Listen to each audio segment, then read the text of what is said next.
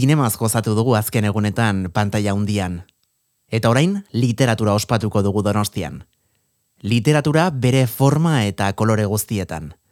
Horri alde batean idazle batek idatzitako azaratago, literatura asko dagoelako munduan. Literatura asko duelako bizitzak. Gordin eta hotza batzuetan, baina goxo eta epela besteetan. Ispilu beltza, asier errastirekin.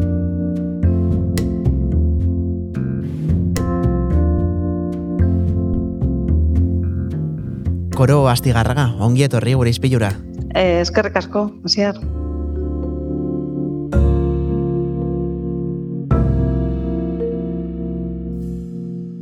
Bueno, koro, gaurkoan besapean agenda, folleto eta programa luze eta zabal bat dakarki guzu, e, bueno, ba, festival edo jaialdi zoragarri batena.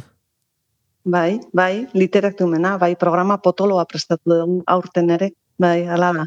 Jendeak irudika dezan nolakoa den programa, irurogeita lau horri dauzka. Beraz, e, planik etzaizkigu faltako donostian e, hain zuzen bazaroren amairutik e, hogeita seira bitarte. Mm, ez dakit nondik hasi gaitezken, zuen egitarau zabalagoa zertzen? Bueno, hasi gaitezke e, agian aipatuz maitasunaren geografiak ditu diogula, jarri diogula inzenburua urtengo jaialdiari, e, urtero urtero gai gai konkretu bat izaten du jaialdiak eta urtengoa hori maitasunaren geografiak e, izan ere maitasuna ba, azaltzen edo ongi ulertzen ez dugun sentimentua bada, baina bizitzeko ere ezinbestekoa ez.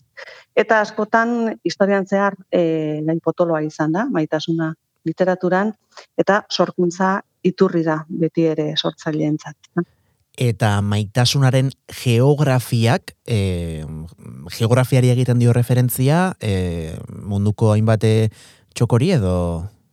Ez, maite, geografiak egiten dio referentzia, ba, azkenean, e, persona adina maitasun mota mm, daudelako, ez da? Vale. Maitasuna karra, maitasuna, maitasun motak e, ba, undaka edo milaka edo ez dakit. Na, pertsona bakoitzeko maitasun mota bat, edo harreman bakoitzeko. Hori, horri egiten dio referentzia. Eta gai hau izanik oro, nola, nola jorratuko duzu hau, lan eta obra ezberdinetan? Bueno, egun ez egun programa e, zabala daukagu, eta ia, ia egunero badaukagu idazleren bat edo, ba, bere lana zitzingo diguna, eta lan horiek, gehien gehienek, denek ez esateagatik, ba, badute maitasunarekin harremana, edo lantzen dute maitasunaren gai amotu batera edo bestera. Da. Eta... Hmm. Bai, ez ez aipatu behar nizun, e, kontatzeko, e, zeintzuk diren, bai. bueno, ba, etorriko diren hainbat eta hainbat idazle horien e, partean batzuk, behintzat? Uh Bueno, aukerak eta txiki bat egin dugu, zanetana errepasatze ere, ba, luze emango liguke, eta, bueno, hasi, hasiko dugu jaialdia Jokonda Belirekin. Uh Jokonda Beli eta El País de las Mujeres. Ez da eleberri berria, hau, ez da novela berria, baina bai berrargitaratu egin dana eta jokonda beli e, gurean e, izateko aukera ba, ba aukera oso polita eta garrantzitsua e, iruditu zitzaigun eta jokonda beli dator. Kasu honetan aipatu behar dut ez duela maitasunarekin zuzenean harremanik bere bere leberri honek, baina badugu guk ere beste atal bat e, literatumek aurkezten du edo, eta guretzako berria izango da, jokunda beli izatea eta baita ere, el país de las mujeres, bere eleberri hori, ez da. Hori lehenengo egunean izango genuke, e, bigarrenean, e, izango genituzke, ba, iru, iru, iru sortzaile, Maximo Huerta, eta adios pequeño, bere eleberria, Jakoba Bergaretxe, Jakoba Bergaretxeren mm, bigarren, e, bigarren eleberria aurkeztuko dugu las despedidas.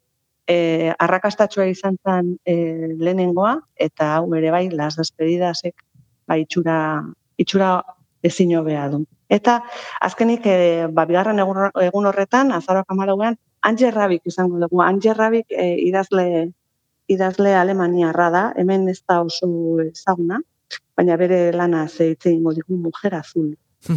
Gainera, e, koro, aipatu beharra dugu, bueno, ba, urkezpen guzti hauek ez direla gune konkretu batean ospatuko, baizik eta donostian e, zabaldutako hainbat etxokotan, ez da? Bai, ala da. E, donostiako kulturetxe gehienetan, izango da literatun den, den, den, den denetan ez izatearen, E, kultura etxeetan, baita kutsa fundazioa klubean, baita ere e, Santa Teresa konventuan, eta aurten, e, bueno, pandemia pasa ondoren berriro ere itzuliko gara, ba, liburu dendetara. Ze polita da, e, liburu dendetan e, horrelako, bueno, ba, autore garrantzitsuak izatea, eta eta euren lanak ezagutzea lehen eskutik, Eta, ez dakit, eh, literaktumen, bueno, ba, idazleekin aurrez aurreko solasaldi hori izateko aukeraz gain, zer gehiago taz gozatzeko aukera izango dugun?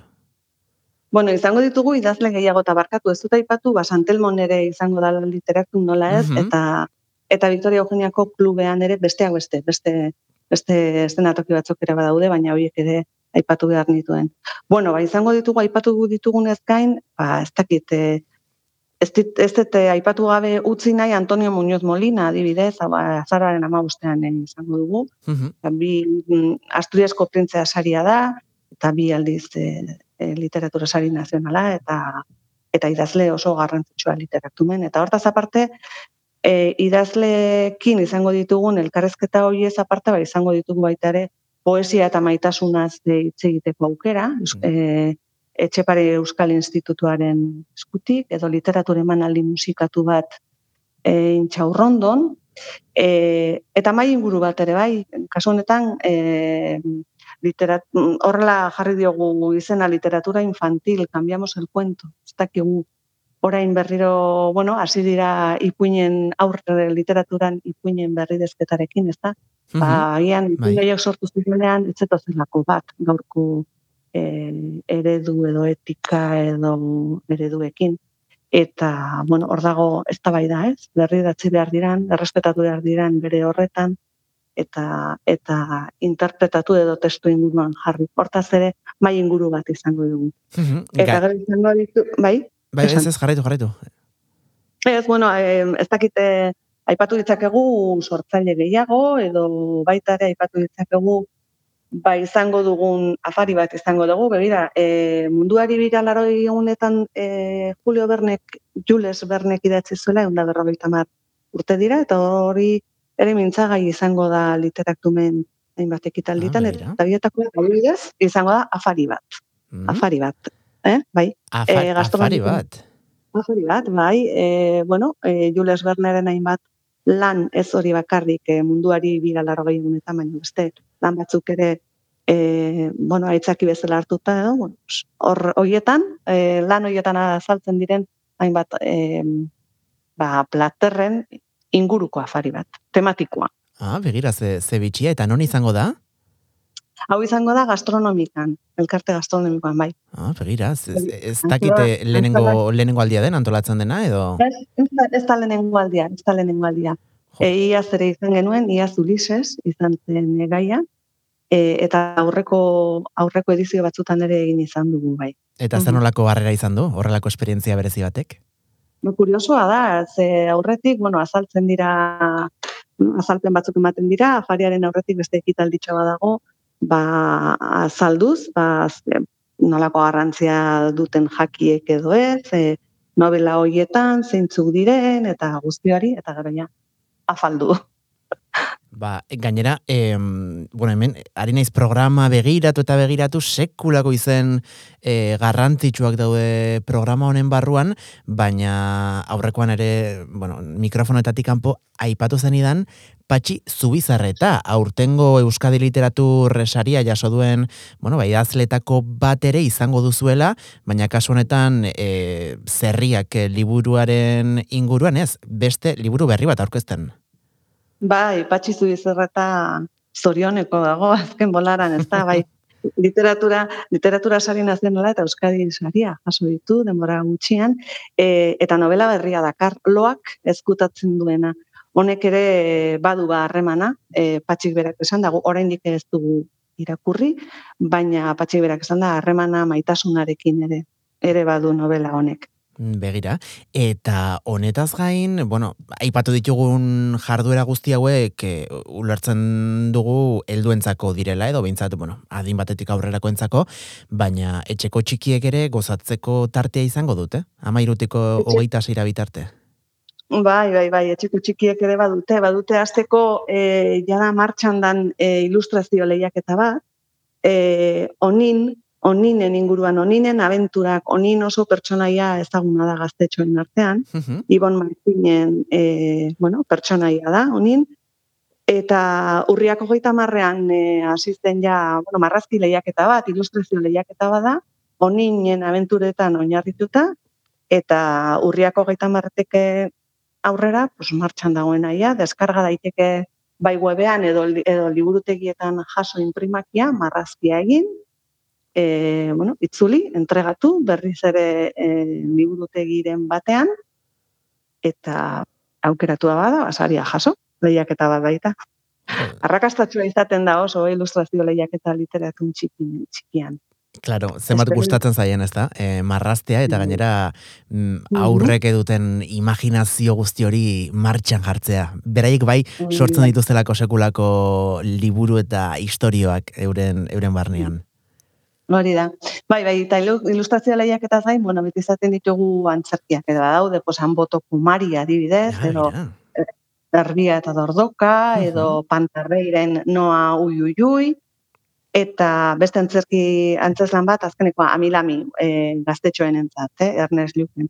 Eta gero badauzkagu taller batzu, eh, familiarekin jolasean, bueno, hauek ero oso arrakastatxuak e, izaten dira, e, lau kulturetxetan izango dira lehenengo eta bigarren e, larun bat arratsaldetan eta bueno, horre ere munduari bira laro egunean izango da gai nagusia eta ilustratzaile batekin ba ilustrazioak sortzeko aukera izango da e, agurta horretik oro, aipatu beharra dugu sekulako erakusketak ere ipiniko dituzuela martxan.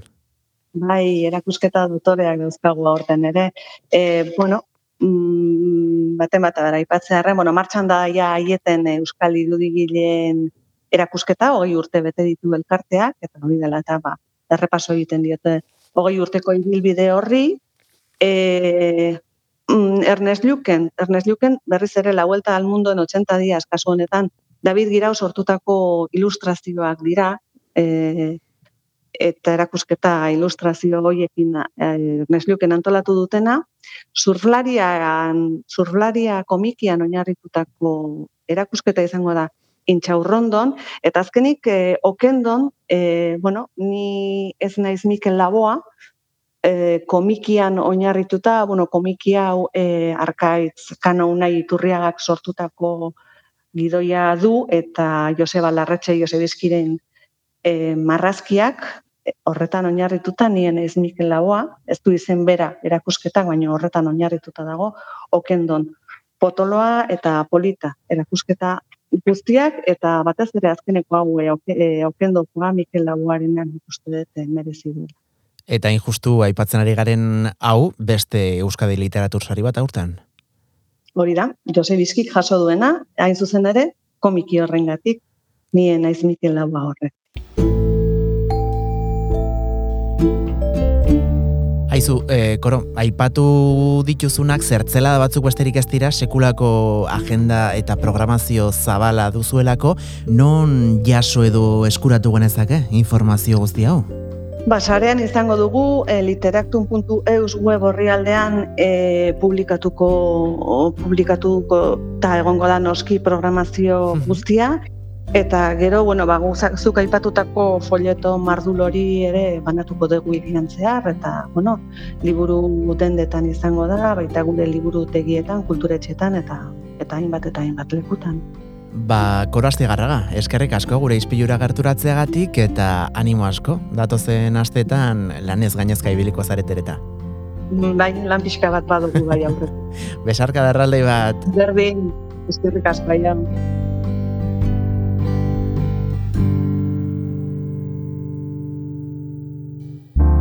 Ispilu beltza, Donostiako kulturaren isla. Etorkizunera begira hasi dugu gaurko saioa.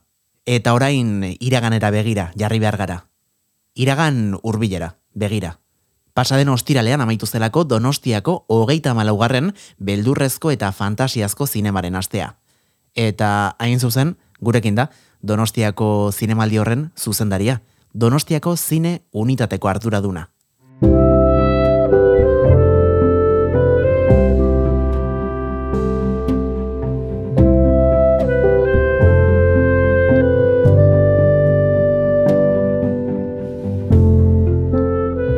Josemi Beltran, ongi etorri gure izpilura. Kaixo, zer moduz. Oso ondo, oso ondo, gu oso ondo. Takit e, zu zer moduz e, aurkitzen zaren, imaginatzen dut, erabat nekatuta egongo zarela, ez da? Ba, bueno, nekatuta, baina, baina orain baita ere, ba, beldurezko astea pasata gero, ba, oraindik e, ba, gauza asko daude izteko, zenbait koutu daude martxan baita, mm, e, adibidez zenbait erakusketa eta beste elkarlan batzuk, osea que, bueno, oraindik ez da bukatu. Daude azken orduko koleta, koletazoak esan dezakegu. Lana oraindik baduzu barra barra eta batez ere egin duzue e, izugarri. Pasade nostiralean amaitu zelako donostiako hogeita malaugarren fantasiazko eta beldurrezko zinemaren astea. E, konta iguzu zer moduz, zer moduz joan da, hau? Mm. Bueno, kuantitatiboki esan dezakegu, ba, bueno, nahiko pose gaudela, amar mila ikusle inguru izan ditu, e, e, antxokietan, zail ofizialean, eta beste manaldi batzuetan. E, baitare, ba, bueno, impresioa jendearen gan oso polita eta zoriontxoa izan da, izan ditugun bai gonbidatuekin eta baita programazioa, berez e, notoak edo puntuazioak, filmen puntuazioak, ba, nahiko altuak izan dira, e, irabazi dituztenak, ba, sortxi puntu baino gehiago lotu dute, e, badakizue la mesita del comedor eta cuando acecha la maldad esekuo lotu dutela bai. publikoaren, publikoaren zarian, e, gainera, bueno, ba, kontu polita, zeren biak dira oso fin serioak, beldurrezkoak, krudelak, e, ilunak, esan dezakegu, eta zentsu horretan, ba, bueno, e, jendeak e, agian zegoen beste beste nola esan, beste animo batekin, eh, aurreko urteekin konparatuta, ten ez du irabazi komedia bat, edo beldurezko mm komedia bat, no? Betxuk beti komentatzen dute,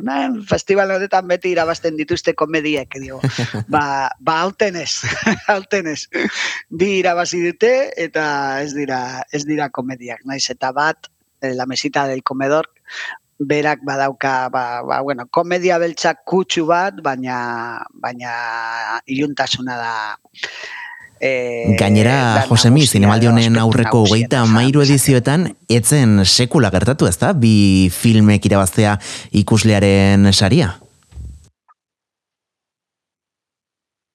Mm Bai, e, ba, lehenengo aldia da, egia da orain, ba, bueno, e, QR bitaltez boskatzen duenean, ba, baita ere de, desimalak eta horrelakoak, ba, ba, bueno, e, diferentziak oso txikiak dira batzuetan, eta ez askotan, eh, ba, batzuetan diferentziak oso nabarmenak ez dira, baina honetan, e, bueno, ba, bai, ez, ez, de, ez egoen nabarmenik, eta Eta ja berak e, beraiek ere zuzendariek baseukaten susmo hori, eh? E, oso, oso lagunak dira bi zuzendariak, ah, bai. ia, anaiak, kaie kasak eta e, Katalanierra eta eta Argentinako demian dugna, eta beraiei ba kriston ilusia egin zaie, hori ere aitotu behar, ba hau partekatzea publikoaren ba bueno, e, puntuazio altua eta publikoaren estimo estimu handi hori ba partekatzea, ba, non, noiz baita hau gertatu gertatzea beharrezkoa bazen, e, aurten, aurten zan, aurten zan, eta aurten askoz politagoa, eta, eta bueno, esan da, ba, anaitasun adibide bat, baita ere, ba, partekatzeko baita ere beldurra e, generoarikiko maitasuna. E, eta, bueno, hori ere ba, gustatu zaigu eta kriston ilusioa egin digu. Bai. Jo, ba, polita, e, Josemi. Mm, galdetu nahi nizuke, ea ikusle guzti guztiek e, bozkatzeko aukera izan duten, ze egia da mm. beste zinemaldi askotan, ikusle guztiek ez daukate. Mm, pelikulak, e, bueno, ba, puntuatzeko aukera hori, kasu honetan, hemen, beldurrezko eta fantasiazko zinemaren astean? Bai, gu normalean beti e, eskantzen dugu, bueno, ba, emanaldia bukatu eta gero, ze, zaila ofizialeko emanaldia bukatu eta gero, bueno, badago alde batetik UR bat pantailan, eta bastaldetik baita ere ilteeran, eta, eta dugu baita ere tarte nik uste dute aski dela tarte luze bat e, eskaintzeko jendeari boskatzeko aukera, e, ordu bat beranduago edo bi ordu beranduago, segun emanaldia. Orduan bai, nik uste, bueno, ba, norbaitek e, boskatu nahi badu aukera hori dauka, e, mugiko erraren bitartez edo, e, pasata e, boskatzeko beti bueno, ba, filma ikusi baduzu, hori baita ere balditzantzen dugu pizkat, e, ba, bueno, sistemak e, ez boskatzeko filma baino le, ikusi baino lehen, eta horrek ere sistemak esaten digu ordutegiaren arabera, eta bar, ba, bueno, e, pizkat bermatzeko filma ikusi duzula, e, kasu, kasu ontan, baina, bueno, zentsu horretan, ez dugu kesarik izan orain arte. eta, bueno, aipatu ditugun La mesita del comedor eh, pelikula kataluniarra eta mm. cuando acecha la malda eh, pelikula argentinarrak irabazi dute ikuslearen eh, saria, film luze honen ari dagokionean, eh, baina zin izan da urteko irabazlea epaimaiaren aldetik? Bai, epaimaiak beti erabakitzen ditu gehiago e, fil laburrak, eh, erabakitzen ditu fil laburren saria, aurten frantziako fil labur bat, Transilbani, fil labur horrek berez irabazi ditu lau sari. Hm? Epaima ikideen, ba, nazioarteko fil labur honen hariko saria, e, baitare zigarrezko melie saria, Europako fil laburra, eta bestaldetik irabazi ditugu gazte epaimaiaren eta publikoaren bizariak baitaren nazioarteko atalean, osea que, bueno, fin laburonek e, guztiz, konbentzitu dugu iaia publikoa, kritika, epaimaiak, guztiak, hm? da, gainera, bueno, aneska vampiro baten historia eta bulineko mezu bat badauka sartuta eta eta bueno, hori oso oso polita izan da, bestalde ba beste film labur batzuk izan dira irarbazle, beste atal e, batzuetan, Espainiako film laburrean eta bar. Bueno, berez fil labura betiri da oso garantzitsuak guregan. Eta fil, e, fil luzei dago kienez, e, La Espera, e, beste Espainiako beste film batek, irabazi du blogos, e, urgezko e, blogoen saria, edo kritikarien saria esan dezakegu. E, La Espera, Víctor Clavijorekin, bueno, Víctor Clavijo dauka protagonista, film honek, Javier Gutiérrez da zuzendaria, eta beste Espainiako beste film independiente bat. E, bueno, beldurga, e, ergiko folklorea, e, bueno, oso oso interesgarria da cinematografikoki. Eta zoritzarrez bi film hauek, bai La Espera edo La Mesita del Comedor, mementuz ez daukate ia banatxaierik edo aukerarik e, zinemaretoetan ikusgai egoteko. E, hori pena bat da, eta saltzen digu nola noiz benka zinemaldi eta zinema komertzialen arteko, bueno, baldea, dagoen aldea, edo desberdintasuna, no? Eta bai. pena da, bari, hainbeste sari, hainbeste oi altzun eukitzea, bezalako filmak, baina gian gero, bueno, ba, Hemen parean daukate aurtengo palmaresa eta egia da ez dela bereziki anitza herrialde dagokienean, ez? E, Frantziara estatuan, Espainiako estatuan eta Argentinan geratu direlako sariak. Bai, mm, adibidez, beste e, puntuazioa begiratzen badugu, e, naiz eta irabazi ez, klaro, jakina bakarrik bat, edo kasenetan bi, hasi ditzakete, baina puntuazioak e, film zen puntuazioak ikusten badugu, adibidez, koreako filmek, e, bueno, ba, puntuazio altua ere izan dute, mm -hmm. Devils edo, edo Sleep, mm, e, bi koreako filmak, e, baita ere saspi puntu baino gehiago zeukaten, mm, eta, bueno, ba, hori polita izan da. Mars Express animaziokoa, hau bai, beste bat frantziakoa, banzandoa mugir, beste bat frantziakoa, egia da, ja komentatu genuen, aurten frantziak zeukala indar handia, mm, e, hauten, ez dakigu zergatik, baina um, film on asko edo kalitate handikoak atera dira frantziatik, eta batzuk atera utzi kanpo, baina beste batzuk sartu behar eta horregatik daude daudean e, bueno, zerrendan eta film laburuen kasuan, e, e, bueno, ba, irabaz, irabazleen artean, esan dezakegu. Diri, e, bueno, bai, estatu batuetako filmak ba zeuden, baina agian oso komertzialak, eta ez, ez bueno, ba, saria irabazteko esain beste, baina bai, zeukaten bere bere lekua gure programazioan edo Japoniakoak, bueno, ba baita ere zeukan zeuskaten lekua, baina ez dute hainbeste gustatu. Eh, sentxorretan ba, bai, esan dezakegu e, ba, estat, Espainiarekin batera e, Korea adibidez izan daitekela bueno, ba, irabazlea. eta, bai, Josemi, zu zinemaldiko zuznari moduan, eta baita ere zure bueno, ba, lankidek ere, ez dakit e, zinemaldiaren aurretik kiniela modukoren batea egiten duzuen, imaginazen ez daketen urtetik urtera zein lan eta obra egongo diren horre palmaresagatik leian... Bai, normalean egiten dugu, ez? Ah, bai. E, bai, bai, e, bueno, bai, azateko bai, bete egiten dugu gure apostuak, baina hauten ez genuen egin, zenen hauten guk e, talde osoak geneuzkan e, zalantxan diak, eh? Ez zegoen hain argi, e, zer getatuko, zer getatuko zen, e, bori, palmare zan. E, agian, ni jarriko nuke aurretik babeste komedia bat. Bueno, cuando los amos duermen adibidez, e, gelditu da bigarren postuan, eta hori zen komedia eta fantaseren arteko nasketa, vampiro, vampiroekin, eta bueno, e, horrez, horrek hori zenain argitzekoa guretza, no? Puntuazio altua eukitzea edo agian azkenengo momentuan irabazle irabazle izatea hau, hau bezalako filma, baina baina beldurezko hain beldul gordin baten filma cuando acecha la malda bezalakoa edo la mesita del comedor gu pentsatzen genuen agian bueno, ba, publikoa banatuko zuela gehiago edo e, e, iritsi desberdinekin eta zentsu honetan ba pitxinez ustekoa izan dugu hau. Eta orain Josemi zer gertatzen da? E, bueno, ba, aste honetan zehar ikusi izan ditugun lan guzti horiekin. Zinemareto komertzialetara egingo dute jauzi, beste batzuk streaming plataformetara, ala, bueno, nola funtzionatzen du guzti honek? Bueno, adibidez, mm, beitu, cuando acecha la maldad, film honek bai badauka banatzaia, estatuan, e, selecta da sinema banatzaia, eta printzipioz dago aurrikusita urtargilean estrenatzeko sinemetan. Berez, beraz, e, bueno, ez dakit eh, donostiako sinemetan, baina, baina badago aurrikusita, eta horrek suposatzen du ziurazki gero e, telebista kate batean agertuko dela edo plataforma batean hemen estatu mailan Argentinako filma Juan, Juan Acecha la maldad.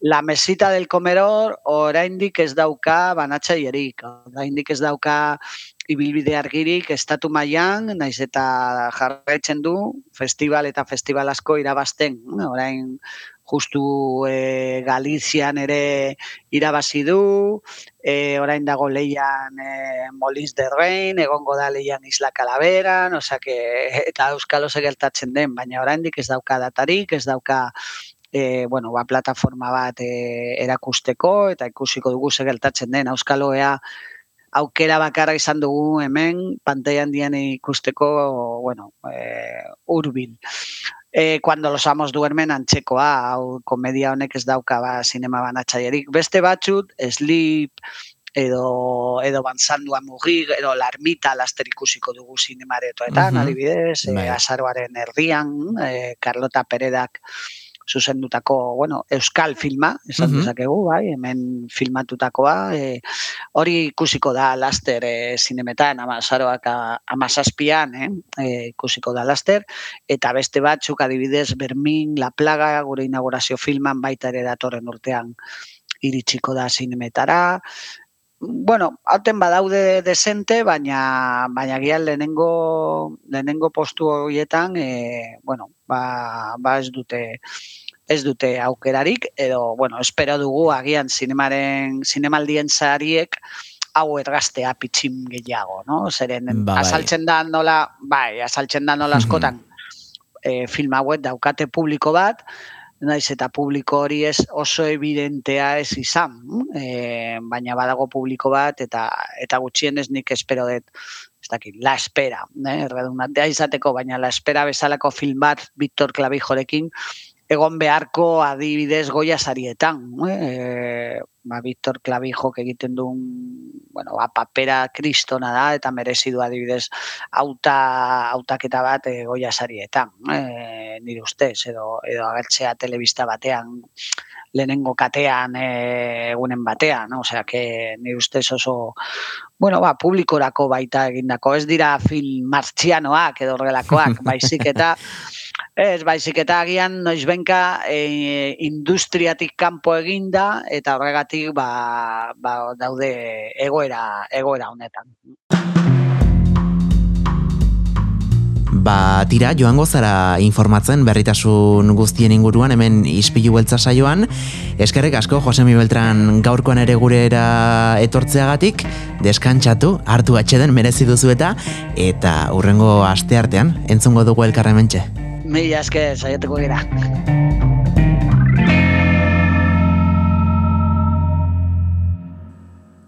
Ba, tira, hause izan da guztia gaurkoz, gu biarritzuliko gara, Donostia Kultura Irratira ispilu beltzaren edizio berri batekin. Goizeko sortziretan izango duzue lehenengo emisioa, eunda zazpi puntulau FM-an, eta tira, ordu horretan ezin baduzu irratia piztu, lasai podcast plataformetan ere aurkituko gaitozula, eh? Goizeko seiretatik aurrera, ispilu beltza idatzita, mm, bilatzaian, errex, errex. Ordurarte, txintxoak izan, agor. denbora enamora.